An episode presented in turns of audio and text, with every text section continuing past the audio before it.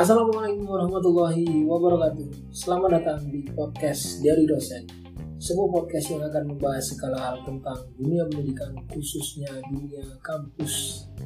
Episode kali ini kita akan membahas tentang bagaimana seorang dosen mempersiapkan perkuliahan di tengah wabah pandemi COVID-19. Seperti yang juga teman-teman ketahui, pemerintah memprediksi COVID-19 ini tidak akan segera selesai dalam waktu dekat. Bahkan diprediksikan paling cepat adalah akhir tahun 2020 COVID-19 akan diprediksi selesai. Nah, di beberapa kampus ada yang sedang atau masih melakukan perkuliahan semester genap, namun ada juga yang semester genap sudah selesai sehingga harus mempersiapkan semester gasal di 2020 Kebetulan di kampus saya perkuliahan di semester genap sudah selesai sehingga para dosen mempersiapkan diri dalam masa liburan ini untuk uh, perkuliahan di semester gasal 2020.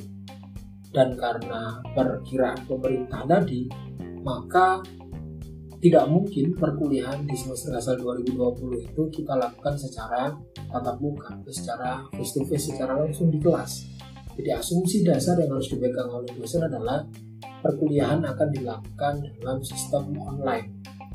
Sebagai dosen ini tentu saja adalah sesuatu hal yang baru ya. Bagaimana kita mempersiapkan perkuliahan dalam asumsi kuliah secara daring atau secara online. Untuk hal-hal yang berkaitan dengan persiapan pemahaman mata kuliah, rencana pembelajaran semester barangkali dan sebagainya mungkin barangkali tidak akan terlalu jauh berbeda karena itu dilakukan oleh internal dosen itu sendiri. Tapi ketika itu nanti menyangkut bagaimana strategi pembelajaran atau metode pembelajaran yang akan diterapkan nah di situlah akan ada sesuatu yang berbeda. Jadi seluruh pemahaman dosen tadi ketika dimasukkan ke dalam bahan ajar baik itu slide pengajaran baik itu nanti pemberian kuis atau soal latihan dan soal ujian, tentu saja ini akan mengalami perbedaan dengan situasi normal. Satu hal yang barangkali berbeda hanyalah di aspek sumber atau referensi data yang bisa didapatkan oleh dosen. Biasanya dosen bisa uh, ke perpustakaan, baik perpustakaan di kampus maupun perpustakaan umum yang bisa diakses untuk bisa mendapatkan buku-buku yang uh, bisa menjadi bahan atau menjadi inspirasi untuk perkuliahan. Tapi karena work from home, karena pembatasan sosial berskala besar yang dilakukan di Indonesia, di Jawa Barat, di Jakarta, termasuk juga di Jawa Timur dan di Surabaya, maka itu tidak bisa dilakukan. Akhirnya dosen harus uh, apa ya? Dia dosen harus menggunakan buku-buku yang dimiliki di rumah atau dengan kata lain dosen juga harus mulai uh, menyesuaikan diri mendapatkan data-data referensi dari ibu atau juga e-journal. Pembahasan lebih spesifik tentang sumber-sumber mungkin yang teman-teman bisa manfaatkan dalam e-book maupun e-journal akan saya bahas di video yang lain. Kita akan fokus hari ini pada bagaimana dosen mempersiapkan diri. Nah, setelah dosen selesai ya, memahami mata kuliah, mengakses e-book, e-journal, dan juga melakukan abstraksi untuk mencapai target pembelajaran di semester gasal itu, maka langkah berikutnya adalah bagaimana dosen mempersiapkan bahan ajar. Di tahapan persiapan saya pribadi, kita sudah mulai masuk untuk e, mempersiapkan bahan ajar dalam satu semester ke depan. Nah, ketika kita menggunakan sistem daring atau offline, ada beberapa pertimbangan yang harus dipersiapkan oleh dosen. Tidak bisa kita hanya uh, mempertimbangkan diri kita sendiri bahwa oke okay, saya menggunakan sistem online ya sudah saya gunakan saja dengan video conference misalnya seperti itu karena sekarang banyak sekali gitu ya penggunaan Zoom, video conference dan sebagainya digunakan untuk kelas-kelas online. Masalahnya adalah apakah semua mahasiswa kita bisa mengakses video streaming atau video atau kelas secara online melalui media video? Tentu saja tidak. Ya ada beberapa hal yang perlu dipertimbangkan. Yang pertama, yang pertama adalah dari sisi target pembelajaran. Kita kuliah secara online, tapi secara target pembelajaran kan tidak boleh lepas dari yang namanya partisipasi mahasiswa. Jadi ketika di kelas kita kan bisa berinteraksi dengan sangat mudah ya, dengan mahasiswa. Kita menjelaskan, kita menanyakan secara langsung, kita melihat gestur mereka, kita mendengarkan kalau mereka langsung bereaksi, bertanya, ekspresi kebingungan dan seterusnya itu kan bisa dilakukan. Tapi ketika secara online, secara daring, itu kan uh, harus juga dipikirkan karena tidak ketemu langsung. Bagaimana mahasiswa tetap harus berpartisipasi aktif di dalam kelas? Nah ini yang harus dipertimbangkan. Dengan video conference misalnya apakah itu bisa menjamin mahasiswa interaktif ya juga belum tentu. Dosen kan juga tidak tahu bagaimana dia memastikan bahwa mahasiswanya sedang memperhatikan dia. Kan dia tidak tahu dia lagi ngomong dia tidak mungkin mengecek satu persatu layar kamera gitu ya.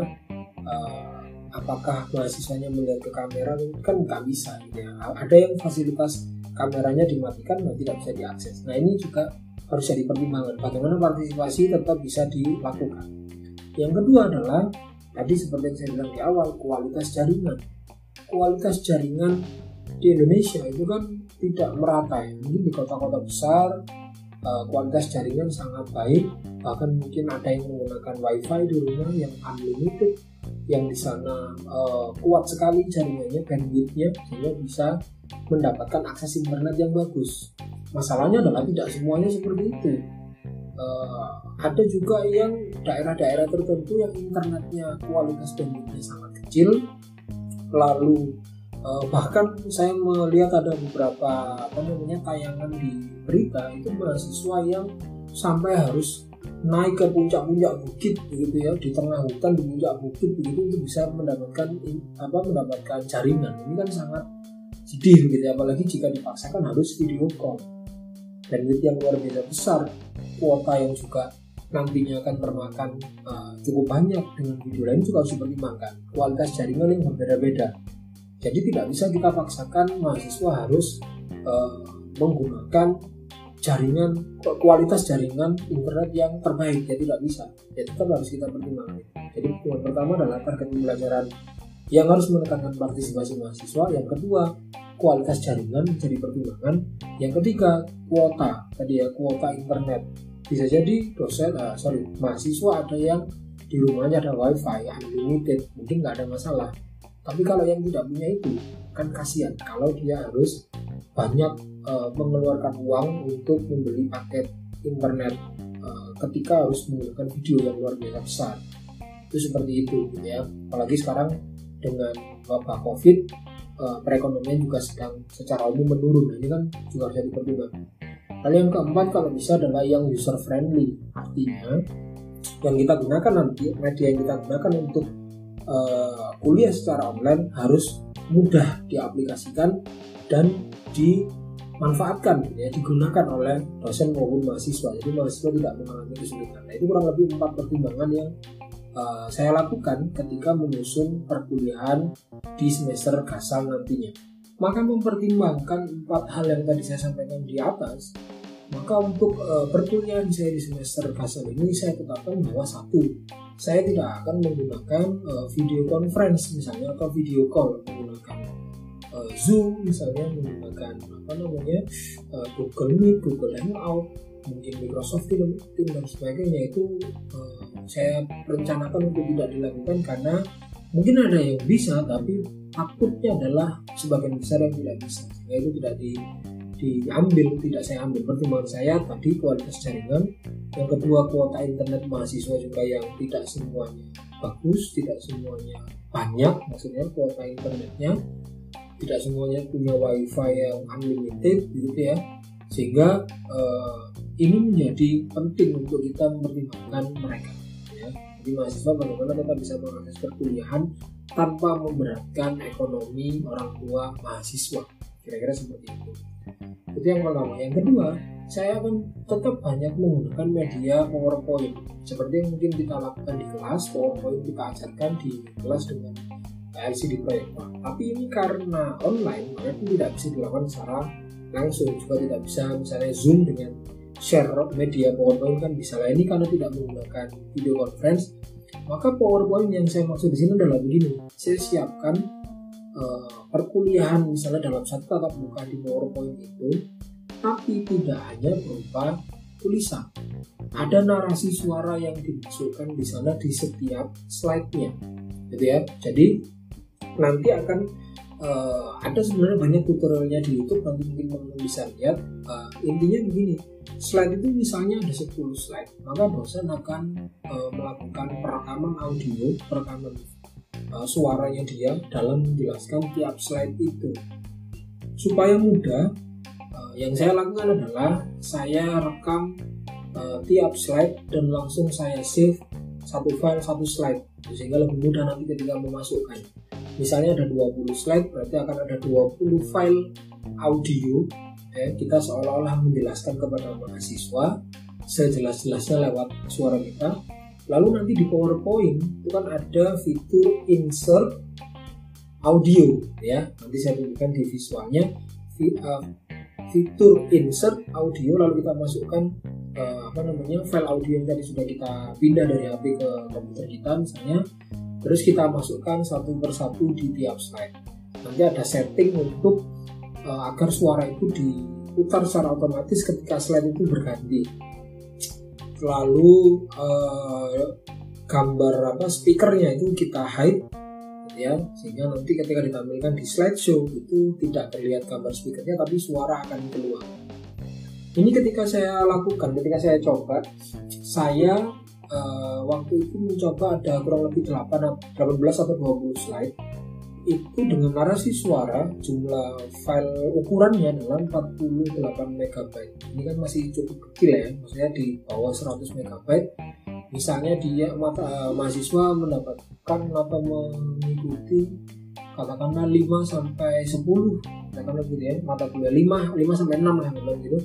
Mata kuliah dalam satu semester berarti satu mata kuliah kurang lebih 40 sampai 50 berarti ya sekitar 300 MB lah yang harus dia uh, gunakan untuk satu tatap muka. Nah ini kan ada sekian tatap muka sehingga uh, semakin hemat ukuran filenya semakin bagus seperti itu. Sebenarnya ada saran juga bahwa uh, PowerPoint itu nanti bisa di-create menjadi sebuah video. Tapi ini ketika saya lakukan uh, di-create sebagai sebuah video, nanti tampil sebagai video, ternyata filenya berubah menjadi 600 MB kualitas tertinggi. Kualitas terendahnya 200 MB. Nah, ini menurut saya terlalu memberatkan mahasiswa. Sehingga tetap menggunakan uh, PowerPoint gitu ya nanti ketika ini dikirimkan ke mahasiswa dia tinggal tekan F5 atau slideshow sudah dia akan mendengarkan narasi dari dosen sekaligus melihat membaca slide-nya ketika suara berhenti dia pindah slide uh, tekan panah ke kanan atau tekan mouse gitu ya terus sampai uh, berakhir. Nah itu untuk uh, powerpointnya gitu ya. Kalau misalnya perlu yang ketiga kalau misalnya perlu video sebagai penjelas saya cenderung menyarankan untuk tidak uh, memberikan langsung videonya kepada mahasiswa karena kan besar sekali ya. Mungkin bisa dengan link ya. mungkin bisa dengan memberikan linknya karena itu nanti bisa dilihat uh, di mungkin YouTube dan sebagainya. Tapi kita berikan secara link saja itu seperti itu. Nah kalaupun misalnya tidak ada linknya ya itu setidak-tidaknya file video itu harus kita resize. Ada banyak aplikasi yang ada di internet yang saya kita gunakan. Yang saya gunakan kebetulan adalah Handbrake jadi aplikasi Handbrake ini bisa meresize ukuran video. Nah ukuran video ini yang di resize itu semakin besar ukuran awalnya akan semakin signifikan. Misalnya uh, videonya berukuran 600 MB seperti yang tadi. Itu ketika saya resize itu bisa menghasilkan output file yang berukuran 80 MB tanpa mengurangi uh, kualitas gambarnya. Cuman uh, resikonya adalah uh, konversinya itu waktunya untuk mengkonvert itu terlalu lama ya berjam-jam sehingga ya ini juga lumayan memberatkan. Mungkin kalau tidak sering-sering nggak apa-apa tapi kalau terlalu sering juga mungkin akan lama atau laptopnya juga tidak sanggup ya laptop ini juga tidak sanggup. Sehingga saya cenderung menyarankan menyarankan menggunakan link atau ya tadi sesekali mungkin bisa dikonvert dikonvert dengan menggunakan handbrake itu. Nah itu seperti itu. Lalu yang keempat, ketika kita sudah uh, menekankan partisipasi menggunakan PowerPoint dengan narasi lalu videonya kebanyakan kalau perlu dengan link saja atau di resize ya yang keempat adalah kita mengoptimalkan referensi-referensi e-book dan e-journal ada banyak sekali. Nanti saya akan bahas di video lainnya di video uh, yang selain tentang alamat-alamat situs yang itu bisa kita gunakan untuk mengakses e-book maupun e-journal secara legal gitu ya. Seperti itu. Nah, setelah itu semuanya kita lakukan kita kirim ke mahasiswa itu mungkin terserah nanti dikirimnya hamil satu atau hamil sekian menit waktu perkuliahan untuk mereka pelajari dan setelah itu mereka bisa uh, melakukan tanya jawab. Nah, di dalam waktu perkuliahan itu di mana? Ya sekali lagi di social messenger seperti di video sebelumnya tentang pembimbingan skripsi ya. Kita bisa gunakan WA, Telegram ini kan gampang. Diakses tidak butuh kuota besar. Terus via teks itu bisa mahasiswa uh, melakukan tanya jawab dengan dosennya melalui fitur chat di grup itu ya. Itu seperti itu. Menurut saya itu masih sangat memungkinkan untuk diakses. Dan bagaimana dengan partisipasi mahasiswa? Bagaimana kita bisa menyambung partisipasi mahasiswa? Itu sebenarnya sangat mudah banyak yang bisa dilakukan oleh dosen misalnya dengan katakanlah memberikan uh, tugas belajar dan tugas belajar itu harus dilaporkan uh, sebelum perkuliahan dilakukan di tatap muka berikutnya misalnya dia harus kumpulkan lewat email atau diberikan tugas dan tugas itu harus dikumpulkan sebelum tatap muka sebelumnya juga melalui email dan seterusnya. Menurut saya itu masih sangat bisa sehingga uh, dosen mempersiapkan mahasiswa juga mempersiapkan dirinya sebelum tatap muka dimulai bisa dilakukan kuis setelah tatap muka atau bisa dilakukan tugas belajar sebelum tatap muka dimulai. Itu adalah yang bisa dilakukan gitu ya. Persiapan persiapan. Jadi dosen mempersiapkan powerpoint narasi suara resize video terus uh, mengeksplorasi website-website yang menyediakan e-book, e-journal dan seterusnya. Dan interaksi dilakukan by email, by WA, by tele dan seterusnya. Intinya adalah semua itu bisa dilakukan agar perkuliahan bisa berjalan dengan baik jadi bisa dikatakan persiapan perkuliahan oleh dosen di wabah di era wabah COVID-19 ini agak berbeda ya dibandingkan dengan uh, situasi normal. Kalau biasanya dosen mempersiapkan bahan ajar ya secara biasa saja tulis soal latihan, setelah pembelajaran dan seterusnya secara normal, maka untuk situasi saat ini harus ada hal-hal baru yang dipelajari oleh dosen. Tapi menurut saya itu justru merupakan sesuatu yang menantang. Jadi ada ada sesuatu yang baru yang harus dilakukan oleh dosen ketika mempersiapkan perkuliahan. Misalnya, dosen harus belajar bagaimana merekam audio tapi tetap jernih, tidak gembret, tidak noise.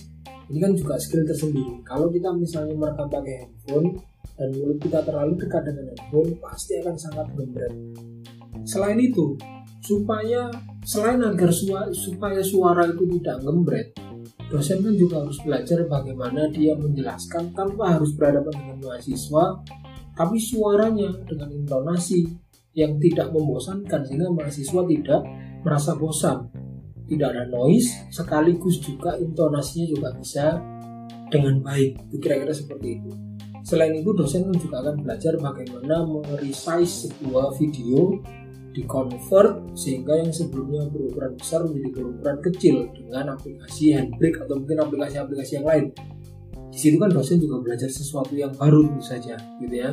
Selain itu dosen juga bagaimana belajar bagaimana mengcreate video dari PowerPoint. Jadi bagaimana file PowerPoint-nya di create menjadi format video ini bagi dosen yang memilih opsi itu ya, memilih opsi uh, menjadikan PowerPoint-nya menjadi sebuah video itu juga bisa atau dosen juga belajar bagaimana dia hunting mencari referensi-referensi e-book maupun e-journal yang bisa nanti dimanfaatkan dan bisa juga disampaikan kepada mahasiswanya.